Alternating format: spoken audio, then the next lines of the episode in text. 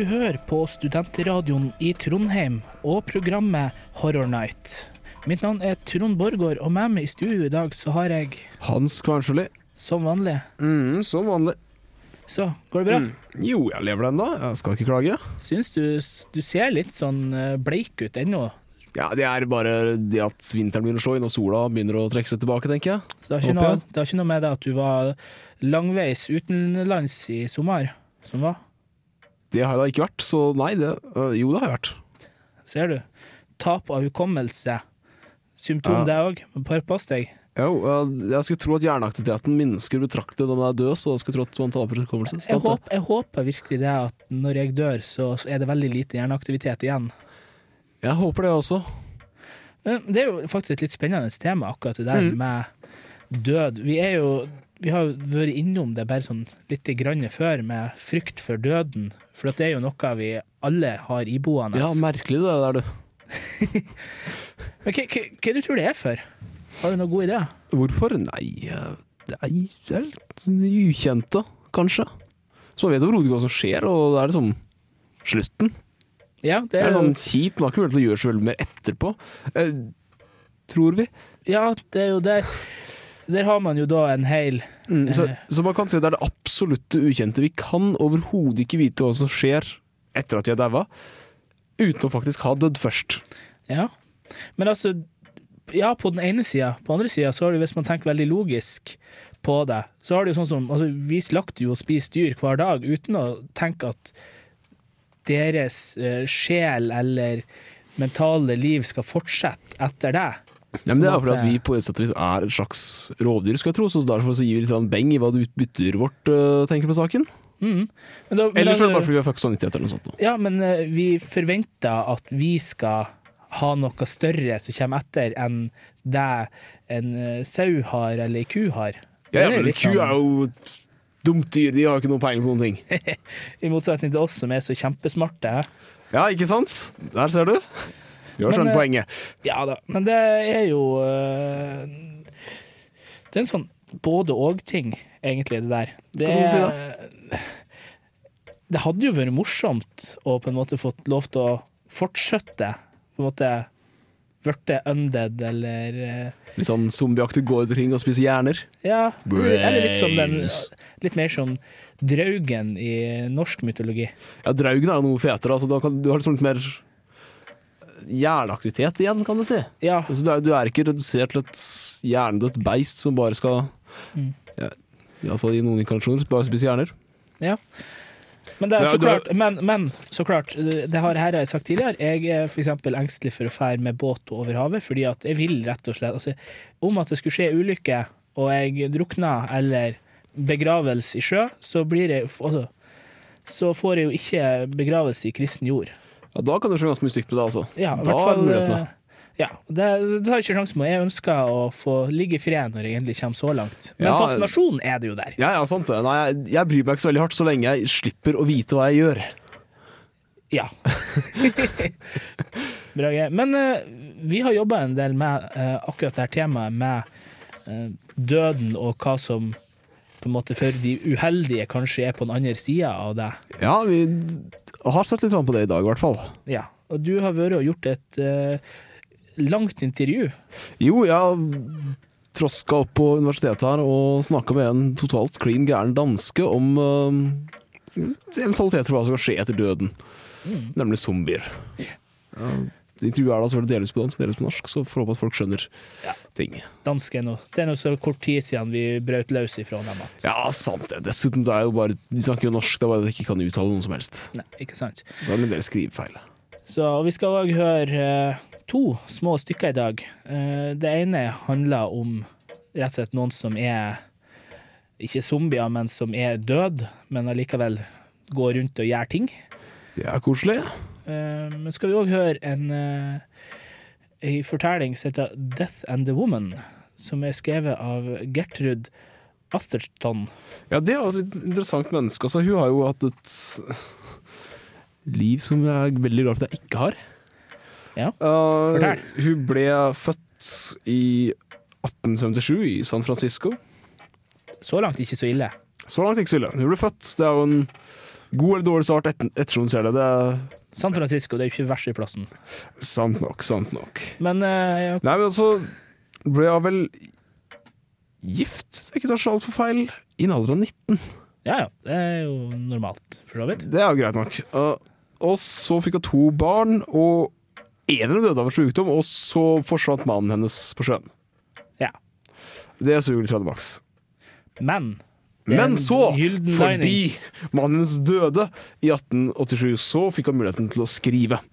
For det hadde hun ikke hatt mulighet til tidligere. Men lyst. Men lyst, ja, så måtte hun ha en måte å fø den stakkars lille krypet hadde igjen, da. Som het Muriel, får jeg på siden. Det forbinder jeg med en heks av en eller annen grunn, men det er noe så. Og skrevet av ganske mye, for eksempel Så har hun skrevet en del, faktisk. Uh, skrev etter hvert over 60 bøker. Og en hel haug av artikler og kortfortellinger. Mhm. Uh, I som et Det er jo samarbeid av noe slag med Ambrose Beers, som vi har nevnt en del ganger før her. Ambrose Beers er vi jo glad i. Ja, han er vi glad i. Det er koselig. Men eh, familien hennes var ikke spesielt glad i at hun skrev, og hun skrev så klart under et s- pseudonym. Frank Lynn. Det var jo på en måte Gertrude Franklin Horn Atherton. Atherton. Så Frank Lynn var Franklin, ja. Franklin var s- et av pseudonymene som ble brukt. Mm. Det er veldig typisk for tida at det var en, del, det var en god del kvinner som skrev, og innenfor sånne sjangere som det her, men Mm. de var i, st- stort sett så var de nødt til å skrive under pseudonym. eh, ikke avsløre at de var kvinner, fordi at kvinner kunne jo ikke skrive Nei, ja, bøker. det er jo klart det. Det går ikke an. Så det er, det er jo interessant å se på kvinnens rolle i Eller kvinnens forfatterrolle. Mm. Det er jo veldig mye spennende der. Vi har jo kommet innom det nå og da i løpet av de her sesongene. Vi Mm, vi har det. Og de er veldig bra. Mye av det. Det er mye av det som er veldig bra. De angriper ting på en litt annen måte ofte, føler jeg. Sånn at altså, du får veldig gode historier, men som får De, de blir litt annerledes likevel. Det blir noe annerledes. og Det er vel ikke bare ren, skjær personlig frykt, men også frykt for hva som skjer med andre. Ja. Som spiller en del inn i noen av dem, i hvert fall. ja. Men eh, vi skal ikke gå så veldig mye nærmere inn på akkurat det temaet nå. Men Mhm. eh, vi skal høre 'Death and the Woman', som da er ei fortelling om hvordan man kan eh, møte døden. Death and the Woman by Gertrude Atherton. Her husband was dying, and she was alone with him. Nothing could exceed the desolation of her surroundings. She and the man who was going from her were in the third floor back of a New York boarding house. It was summer, and the other boarders were in the country. All the servants except the cook had been dismissed, and she, when not working, slept profoundly on the fifth floor. The landlady also was out of town on a brief holiday. The window was open to admit the thick, unstirring air. No sound rose from the row of long, narrow yards, nor from the tall, deep houses annexed. The latter deadened the rattle of the streets. At intervals, the distant, elevated, lumbered protestingly along, its grunts and screams muffled by the hot, suspended ocean. She sat there, plunged in the profoundest grief that can come to the human soul. For in all other agony, hope flickers, however forlornly. She gazed dully at the unconscious breathing form of the man who had been friend and companion and lover during five years of youth, too vigorous and hopeful to be warped by uneven fortune. It was wasted by disease. The face was shrunken, the night garment hung loosely about a body which had never been disfigured by flesh, but had been muscular with exercise and full blooded with health. She was glad that the body was changed, glad that its beauty, too, had gone some otherwhere than into the coffin. She had loved his hands as apart from himself, loved their strong, warm magnetism. They lay limp and yellow on the quilt. She knew that they were already cold and that moisture was gathering on them. For a moment, something convulsed within her. They had gone too. She repeated the words twice, and after them, forever. And the while, the sweetness of their pressure came back to her. She leaned suddenly over him. He was in there still, somewhere. Where? If he had not ceased to breathe, the ego, the soul, the personality was still in the sodden clay which had been shaped to give it speech. Why? Why could it not manifest itself to her? Was it still conscious in there, unable to project itself through the disintegrating matter, which was the only medium its creator had vouchsafed it? Did it struggle there, seeing her agony, sharing it, longing for the complete disintegration which should put an end to its torment? She called his name. She even shook him slightly, mad, to tear the body apart and find her mate. Yet even in that tortured moment, realizing that violence would hasten his going, the dying man took no notice of her, and she opened his gown and put her cheek to his heart, calling him again. There had never been more perfect union. How could the bond still be so strong if he were not at the other end of it? He was there, her other part. Until dead, he must be living. There was no intermediate state. Why should he be as entombed and unresponding as if the screws were in the lid? But the faintly beating heart did not quicken beneath her lips. She extended her arms suddenly, describing eccentric lines above, about him, rapidly opening and closing her hands as if to clutch some escaping object, then sprang to her feet and went to the window. She feared insanity. She had asked to be left alone with her dying husband, and she did not wish to lose her reason and shriek a crowd of people about her. The green plots in the yards were not apparent, she noticed. Something heavy like a pall rested upon them. Then she understood that the day was over and that night was coming. She returned swiftly to the bedside, wondering if she had remained away hours or seconds, and if he were dead.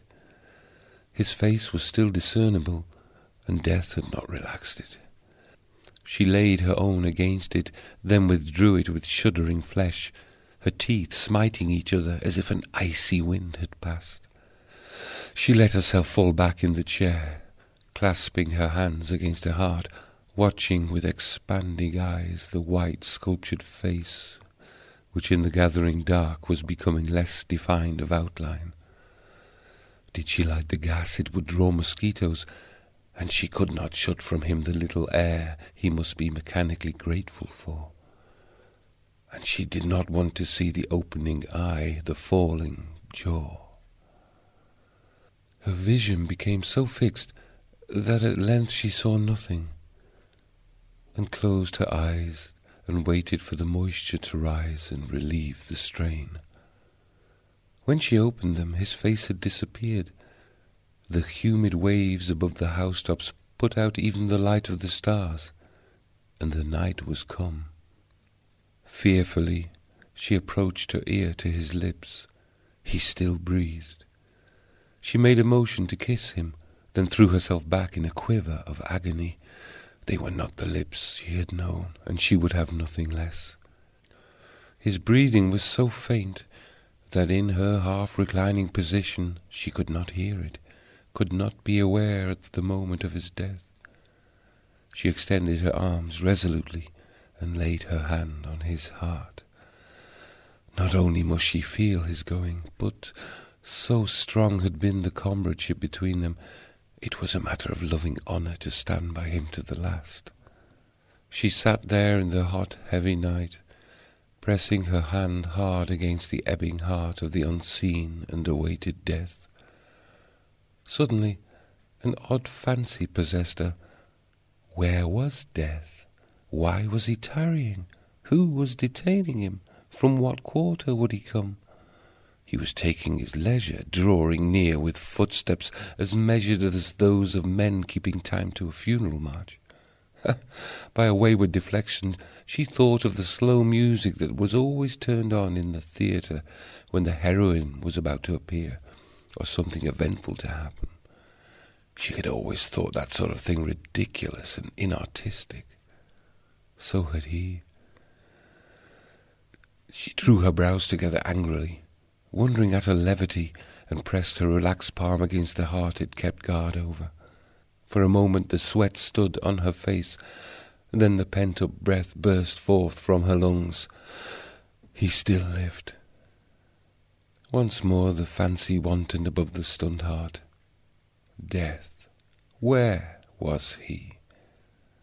What a curious experience to be sitting alone in a big house she knew the cook had stolen out, waiting for death to come and snatch her husband from her.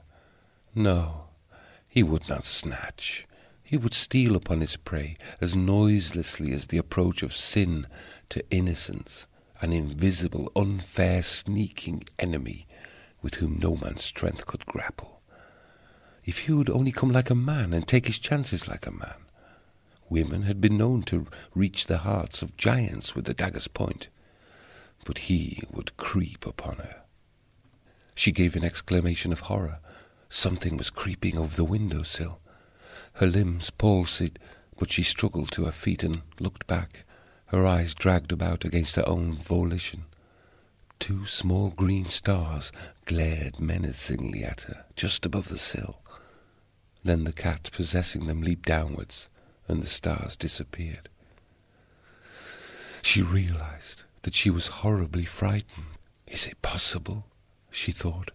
Am I afraid of death, and of death that has not yet come?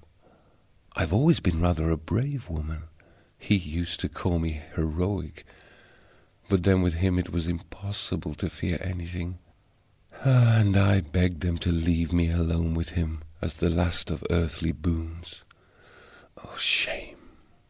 But she was still quaking as she resumed her seat, and laid her hand again on his heart.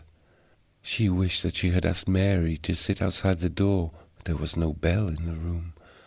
To call would be worse than desecrating the house of God, and she would not leave him for one moment, to return and find him dead, gone alone.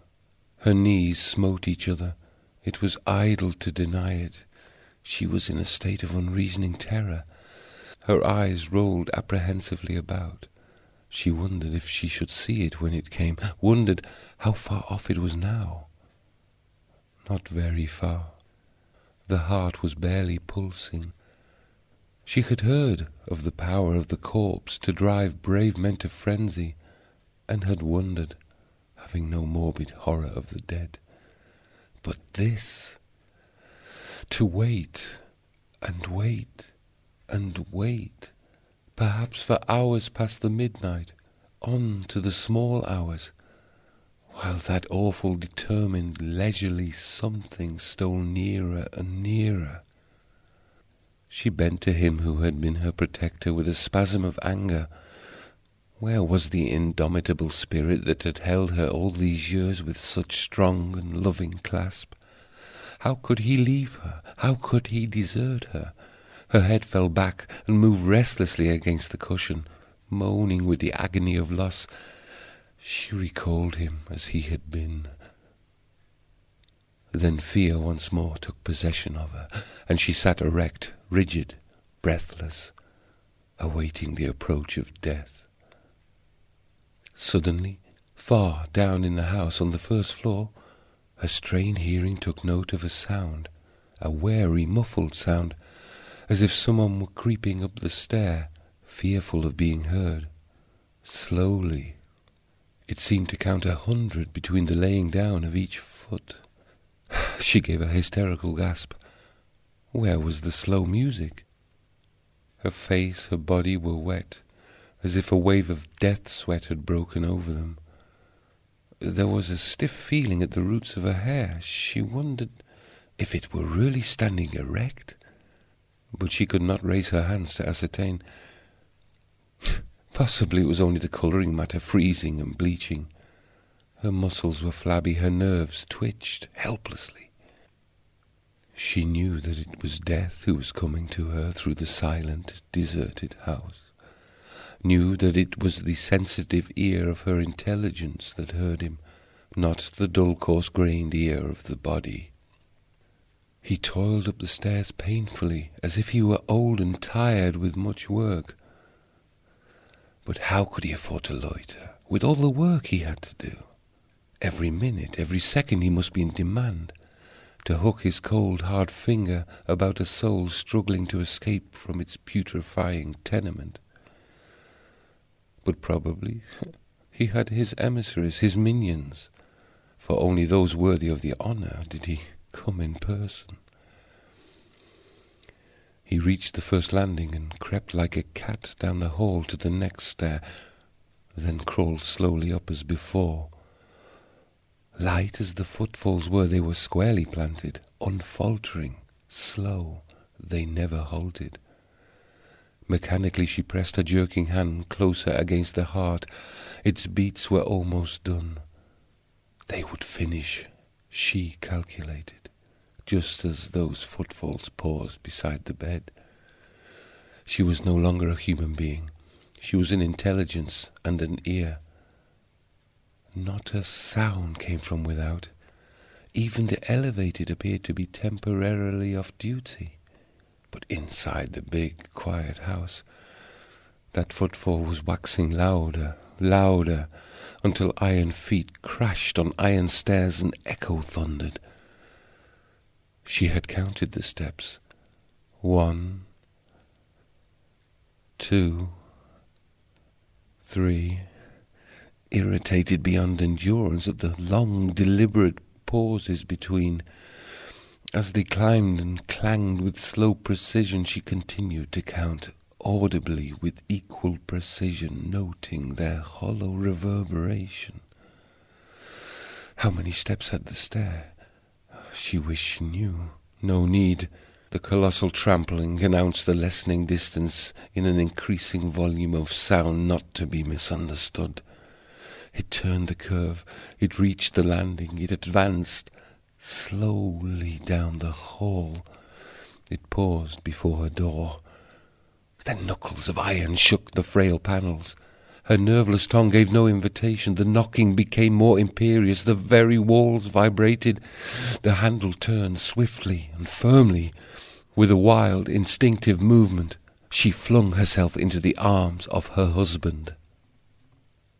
When Mary opened the door and entered the room, she found a dead woman lying across a dead man.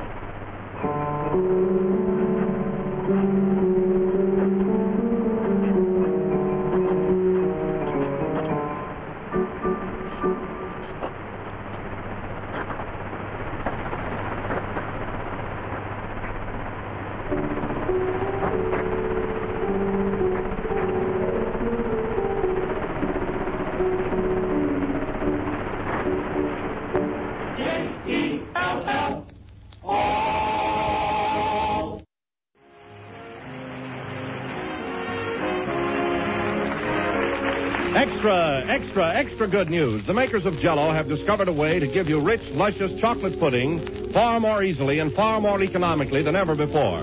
With the new Jello chocolate pudding powder, you can make old-fashioned pudding, smooth, creamy, and chocolatey, just like the ones grandmother used to make back in the good old days. Now you can have them again, and this is all you have to do. Just combine the contents of a package of Jello chocolate pudding with some milk in the top of your double boiler, letting it cook until it becomes smooth and thick. When the mixture has cooled, serve it in sherbet glasses. You'll have enough for six helpings, and that means six happy people. Jello chocolate pudding is so simple, so inexpensive, and so downright delicious that you mustn't delay trying it. Ask your grocer for Jello chocolate pudding, and if he hasn't put it in stock yet, be sure he orders it for you.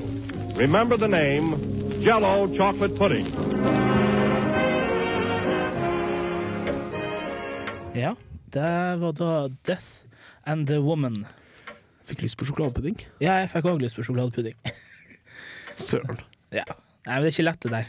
Nei, det er ikke lett det der, altså. Det, det er et hardt liv. Så nå har vi fått fulgt ei eh, historie om eh, hvordan det er å avvente døden. Mm, koselig liten greie, det der. Det, jeg syns det er spennende med så akkurat den her, er jo detaljnivået. Ja, det er jo et ekstremt detaljnivå. Altså, du kan jo på en måte si at det grenser i, i um, den såkalte stream of consciousness. Ja, det blir, det blir nesten i lengste laget, ikke sant. Det- Man blir nesten litt lei, men er man i et, er man i et godt humør og forberedt på det, så, så funker det der bra. Mm, enig. Så, men eh, hva skjer når man dør? Jo, man blir zombier. Ja, man blir zombier. Det er eh, etablert fenomen, eller etablert fakta, mener jeg. Det er helt klart slik det er. Um, jeg måtte jo finne ut litt mer om dette her, det er jo klart det. Jeg kan jo ikke leve i uvitenhet. Det går ikke an. Så jeg dro opp på NTNU, stedet hvor man finner kunnskap her i byen. Sann kunnskap. Jeg roter meg frem til um, Fakultet for religion og sånt, noe, som selvfølgelig er stedet for å gå for å se etter eh, ting som har med livet etter døden å gjøre, og den slags ting. Og um, snakka da med en danske som jeg har nevnt før, er splittspinne gæren. Ja, og vi satt da og snakka om zombier. Ja, ganske lenge. Heldigvis så har vi klippet det ned, så det, det sluttresultatet er vel bare på en nesten 15 minutter. Ja, det er sluttresultat, sluttresultatet er nesten bare 15 minutter, mens det er vel en tredjedel eller en fjerdedel eller noe sånt nå. Ja. Pluss at vi digrerte ganske mye etterpå. Inn i en del andre ting, som naziokkultisme og den slags ting. Det er jo gøy, det òg. Det er kjempegøy. Det er kjempegøy. Oh, det er interessant. Selv om det er veldig moderne, da. Er veldig moderne, moderne, det er jo det, men um, det var kjempegøy. Men det er veldig enkelt. Vi skal ta og få høre om eh, hans sin samtale med en eh, gæren danske om eh, zombier. Jesper Ågaard Petersen. Stipendiat på øh, religionsvidenskab Jepp. her på NTNU. Right. Zombier. Ja, zombier. Først, hvorfor fascinasjon for zombier? Altså, øh, hvis jeg skal være helt ærlig, så, øh, så er jeg forholdsvis ny Jaha. i min øh, fascination af zombier. Jeg ved faktisk ikke helt, hvorfra det kommer, men øh, jeg havde en stående aftale med Martin, som øh, jo er Ja. chef for Forum Nidrosia, om at lave noget om øh, nazi-zombier. Oh yes. Og det var i forbindelse selvfølgelig med død, snø og, og alt den. Øh, og ja, fordi jeg har haft en meget øh, lang fascination for sådan øh, nazisme og, og kultur. Altså sådan, ja. det, hvordan nazismen ligesom har, har spredt sig fra, fra den undergrund, der har været interesseret i, i, nazister og deres okulte øh, interesser, Mhm. mm-hmm. og så til mainstream. Nazister har ligesom i de sidste måske øh, 20 år været sådan ret øh, godt til stede som bad guys. Og det har netop Selvfølgelig. Ja, og det har netop været den der blanding af videnskab og, og mystik, som mm. har Mhm. fascineret folk. Og meget af det er jo, øh, meget af det er jo netop sådan øh, populærkultur. Når man læser kilderne, så bliver det jo ofte lidt mere kedeligt. Mm. Men, øh, men, og så fordi, det, så det startede faktisk, jeg har altid godt kunne lide zombiefilm.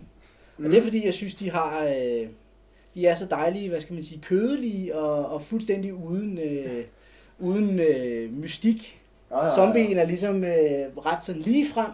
Mm. Det er et væsen, som øh, ikke, som man ikke behøver så meget forklaring på, øh, Nej, nej. uden at det bliver underholdende. Mm. Så, øh, men, men så, så, så øh, min, min intellektuelle og akademiske interesse for zombier, den stammer faktisk fra, at jeg skulle lave et foredrag. Og Ja. derfor var jeg nødt til at læse op på, på zombien. Mm. Så jeg er faktisk forholdsvis ny sådan i, i zombie, zombie-fascination. Hvor er det zombien egentlig kommer fra? Et kompliceret spørgsmål, fordi øh, altså ordet zombie, det er jo øh, en, en sådan en populær version af et eller andet afrikansk ord. Mm, Og vi er ikke helt sikre på, om det er om det er fra den ene eller den anden stamme, det ene eller det andet sprog i Afrika, men ikke desto mindre, så øh, er der øh, lingvister, der Mm. øh, sætter zombie i forbindelse med ord for afdød eller, eller øh, genganger eller sådan noget på afrikanske sprog. Så, så altså ordet zombie kommer jo fra afrikansk, Mm. mm. men det har gået igennem den her, øh, hvad man kalder en kreoliseringsproces.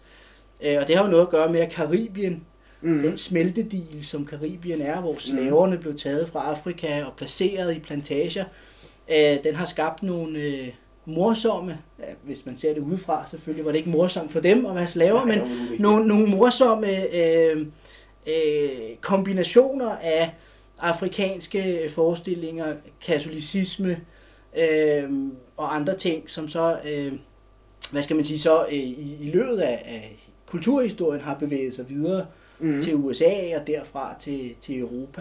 Ja. Så, øh, så hvor kommer zombien fra? Altså det, den zombie, vi kender, den, den, øh, den udøde, øh, rådnende øh, figur, som ligesom øh, søger efter hjerner, er Mm. en, en relativt ny øh, skikkelse.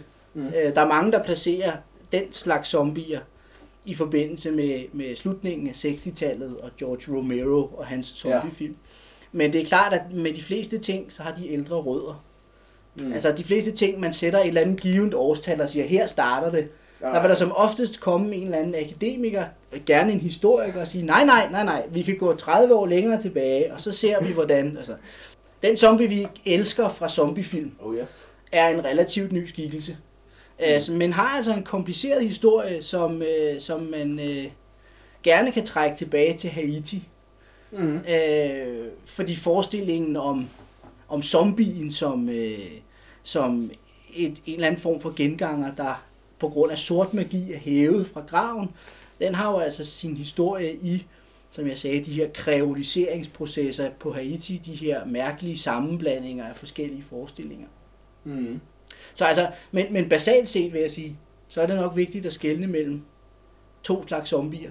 Slaven ja. på den ene side, Mm. slaven, som er den her øh, netop haitianske forestilling, at man kan rejse nogen enten fra et skindødt eller fra et decideret dødt øh, niveau, og så til at arbejde for sig, eller ja, på en anden måde være håndlanger. Ja. Og det er den ene type, sådan store type zombie, og den anden store type zombie, det er så den her øh, rådnende øh, zombie, som, øh, som, øh, som har lidt nyere dato, og måske mere er et filmisk fænomen. den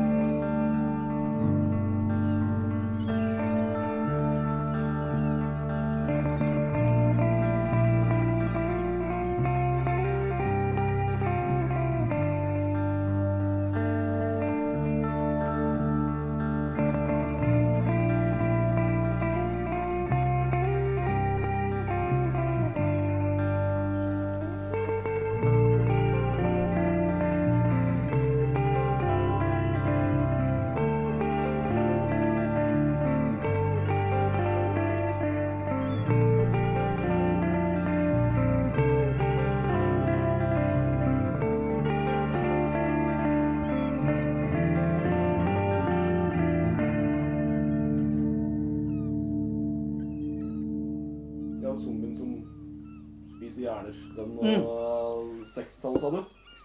Ja, altså faktisk så lige præcis, altså hvis vi skal tage øh, Romero-zombien, Ja. øh, så som filmisk fænomen er der ikke nogen tvivl om, at, at øh, George Romero er sådan et, et år 0 i, mm. Zombiens ja. kulturhistorie, fordi hans uh, Night of the Living Dead fra 68 er, er helt uomgængelig, fordi den netop beskriver øh, en forholdsvis forklaringsløs rejsen af folk fra deres grave, som så terroriserer de levende. Mm.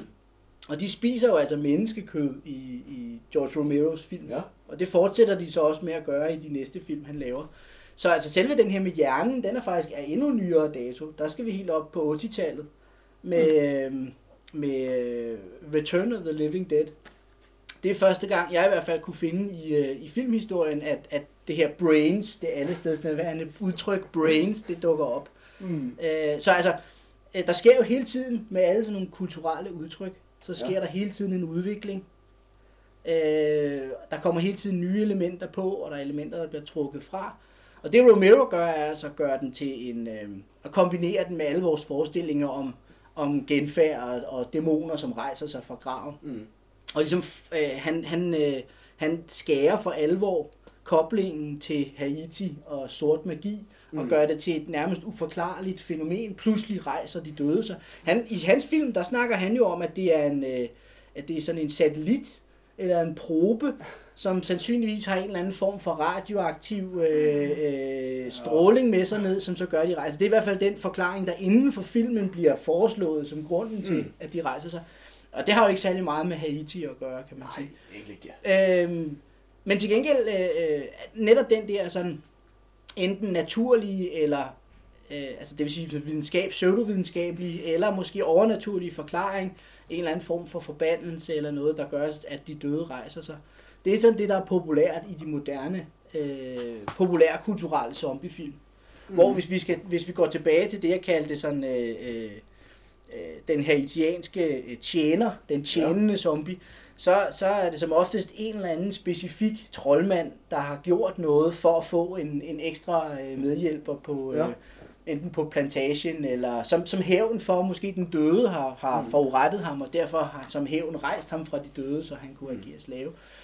Men øhm, så, så, så der, man skal ligesom holde de der to typer zombier lidt ude fra hinanden, mm. selvom de selvfølgelig har noget med hinanden at gøre. Ja, navnet i hvert fall. Ja. Zombien er jo på et eller annet vis en slags komisk skikkelse. Ja.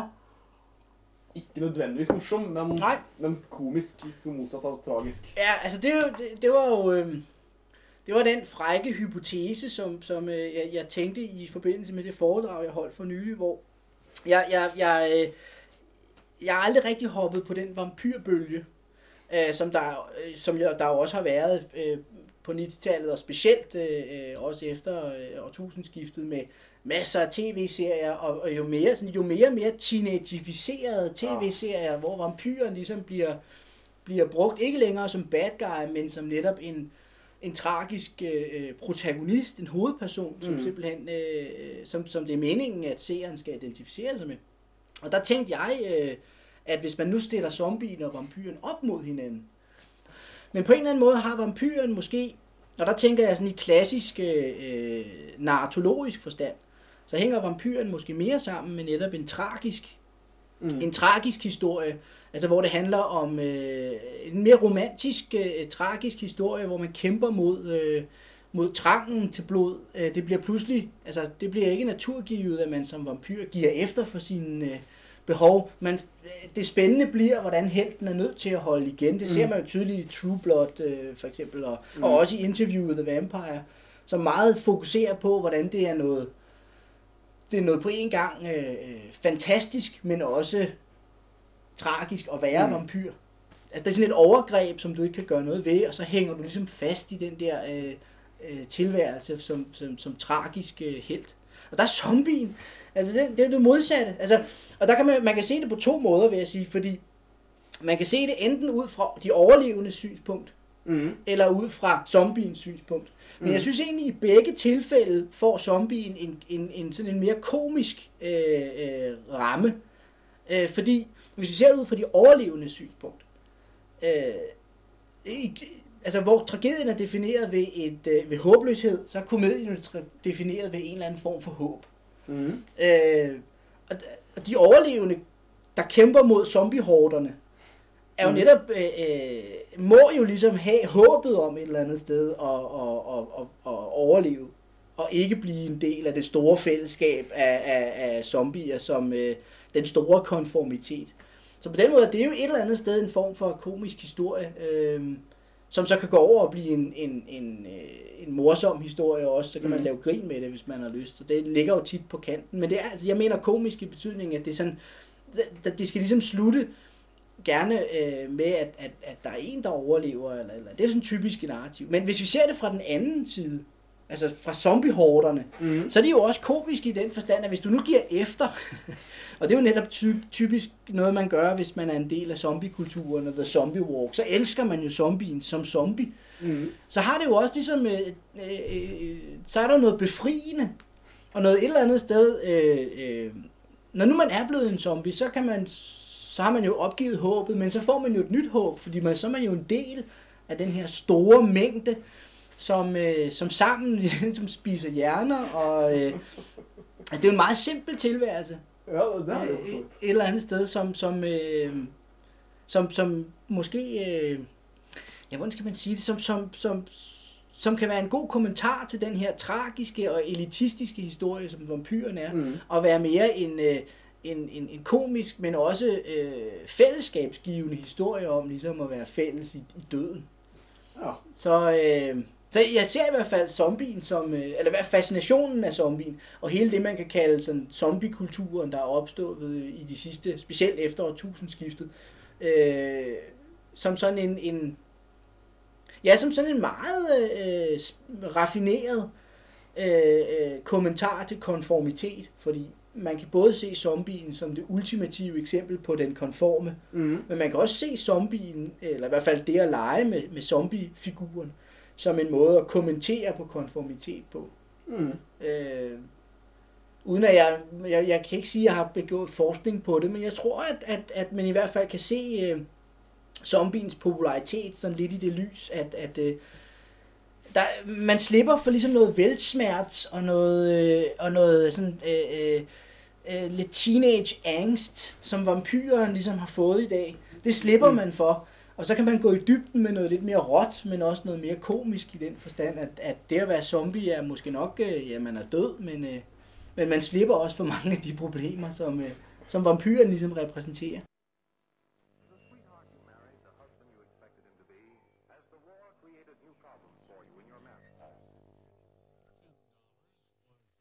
Too hard, you ate too much, the cheesecake made you greedy. Let your aching head and stomach hear this message from old Speedy. Alka-Seltzer, plop, plop, fizz, fizz, oh, what a relief it is. Plop, plop, fizz, fizz, oh, what a relief it is. Ah, those speedy Alka-Seltzer bubbles burst into action to relieve your upset stomach and aching head fast. Use only as directed. Oh, what a relief it is. What a relief. Ja, da var vi tilbake igjen. Det var vi. Eh, Jeg syns det er litt spennende. Eh, Han snakker her i forhold til zombier opp imot eh, vampyrer. Jeg har en kommentar på den etterpå. Ja, Ja, det skal kanskje komme nå, da. Greit nok.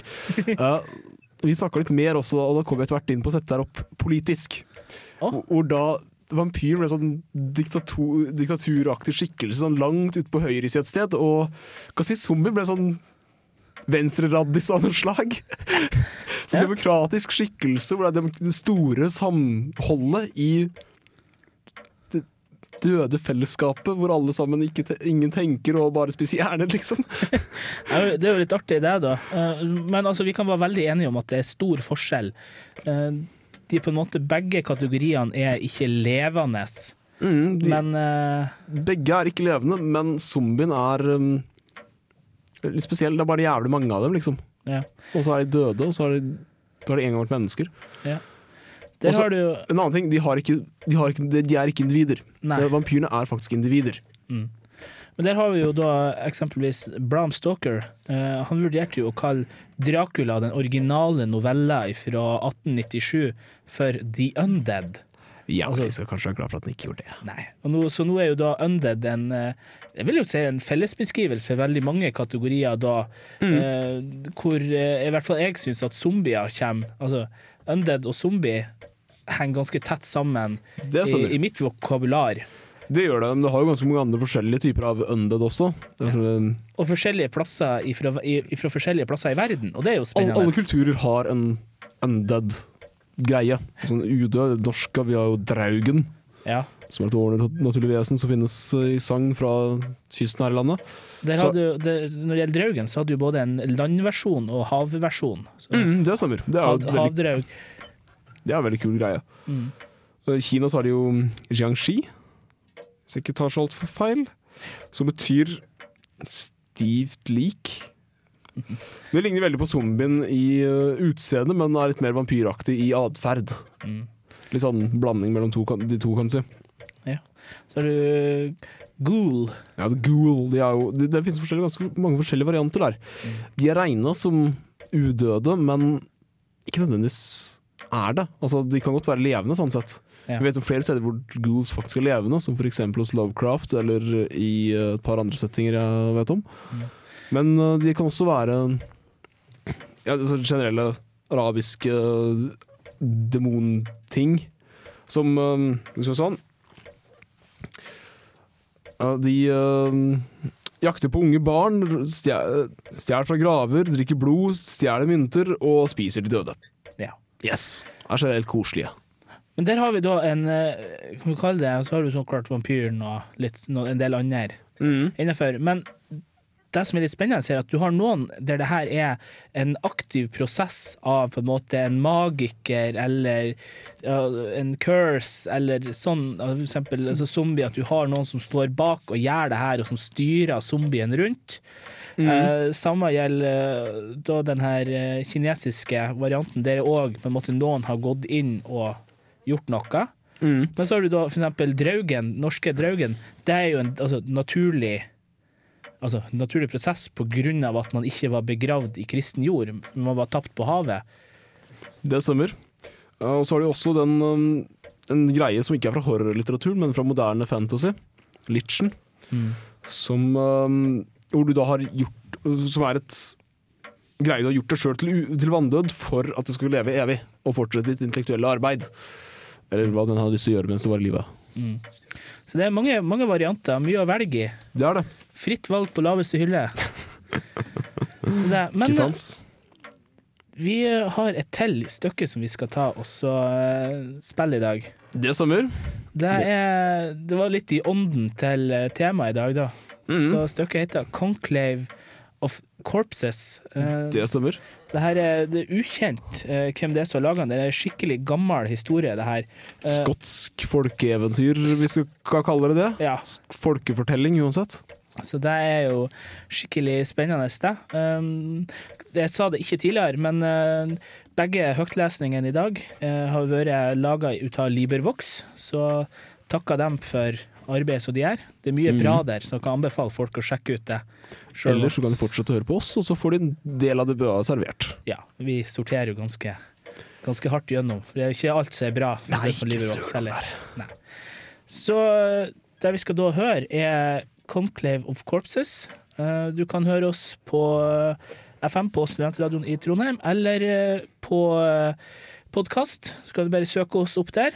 Og så klart på internett på radiorevolt.no skråstrek horrornight. Så får jeg ønske alle sammen kanskje en god kveld videre. God natt. God natt eller god kveld eller whatever. The Conclave of Corpses, Anonymous.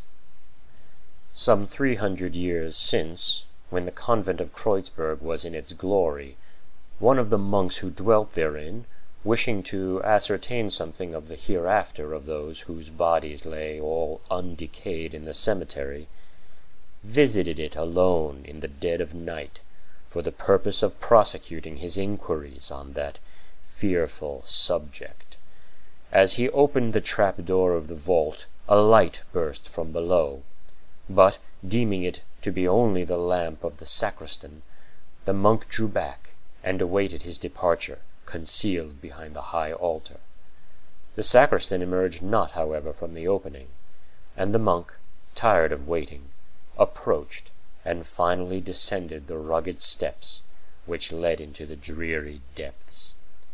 No sooner had he set foot on the lowermost stair than the well-known scene underwent a complete transformation in his eyes. He had long been accustomed to visit the vault, and whenever the sacristan went thither, he was almost sure to be with him. He therefore knew every part of it, as well as he did the interior of his own narrow cell, and the arrangement of its contents was perfectly familiar to his eyes. What, then, was his horror to perceive that this arrangement, which even but that morning had come under his observation as usual, was altogether altered, and a new and wonderful one substituted in its stead. A dim, lurid light pervaded the desolate abode of darkness, and it just sufficed to give to his view a sight of the most singular description.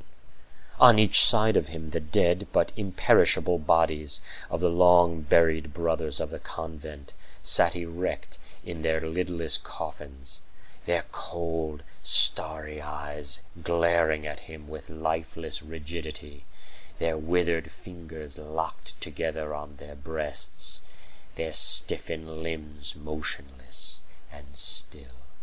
It was a sight to petrify the stoutest heart, and the monks quailed before it, though he was a philosopher and a skeptic to boot. At the upper end of the vault, at a rude table formed of a decayed coffin or something which once served the same purpose, sat three monks. They were the oldest courses in the charnel house, for the inquisitive brother knew their faces well, and the cadaverous hue of their cheeks seemed still more cadaverous in the dim light shed upon them, while their hollow eyes gave forth what looked to him like flashes of flame.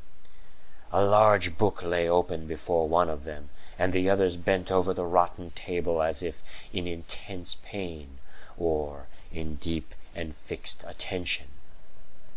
No word was said, no sound was heard. The vault was as silent as the grave, its awful tenants still as statues.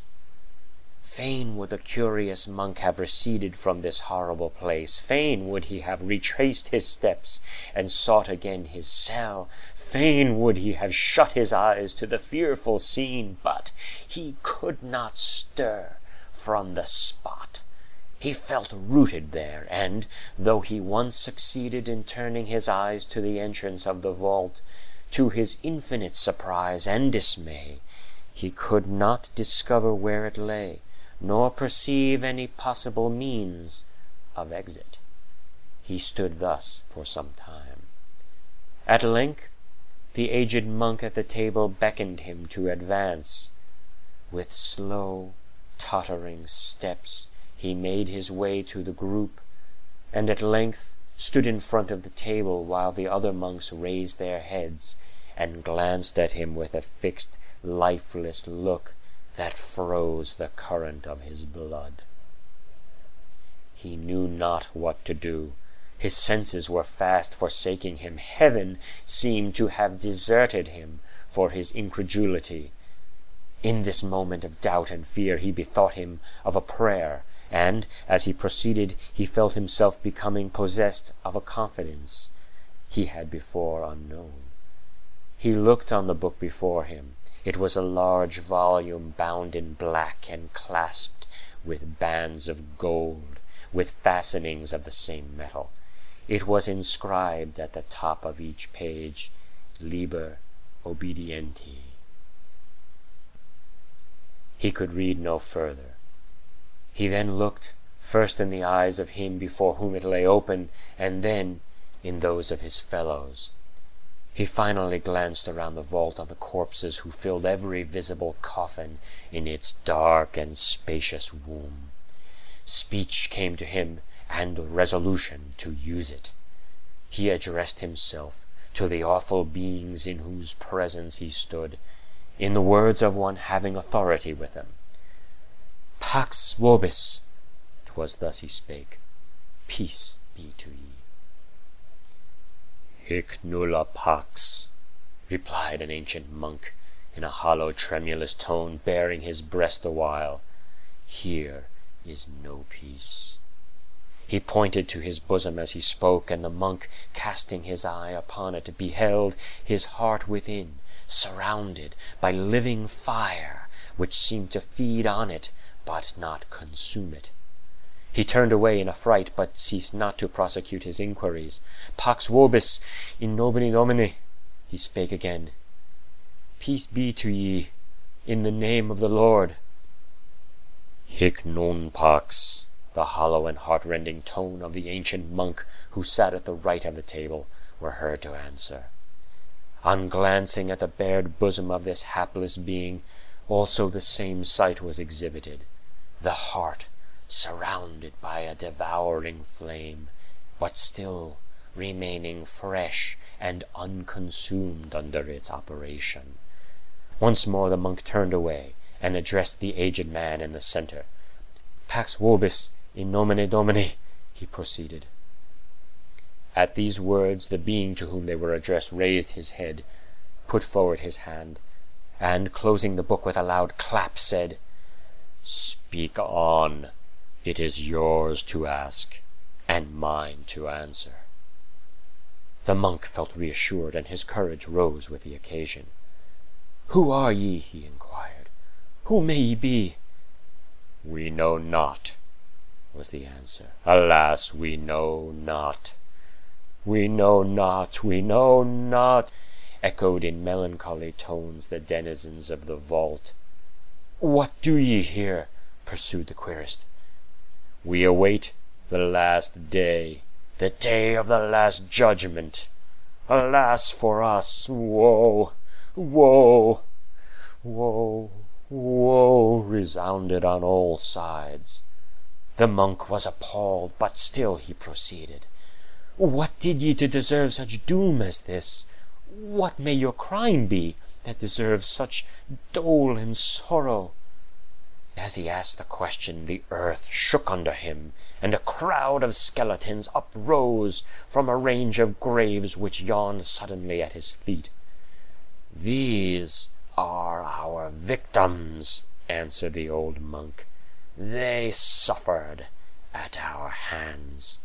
We suffer now, while they are at peace, and we shall suffer. For how long? Asked the monk. Forever and ever, was the answer. Forever and ever, forever and ever, died along the vault. May God have mercy on us, was all the monk could exclaim. The skeletons vanished, the graves closing over them. The aged men disappeared from his view, the bodies fell back in their coffins, the light fled, and the den of death was once more enveloped in its usual darkness. On the monk's revival, he found himself lying at the foot of the altar. The grey dawn of a spring morning was visible, and he was fain to retire to his cell as secretly as he could, for fear he should be discovered. From thenceforth he eschewed vain philosophy, says the legend, and, devoting his time to the pursuit of true knowledge, and the extension of the power, greatness, and glory of the Church, died in the odor of sanctity, and was buried in that holy vault where his body is still visible. Requiescat in pace.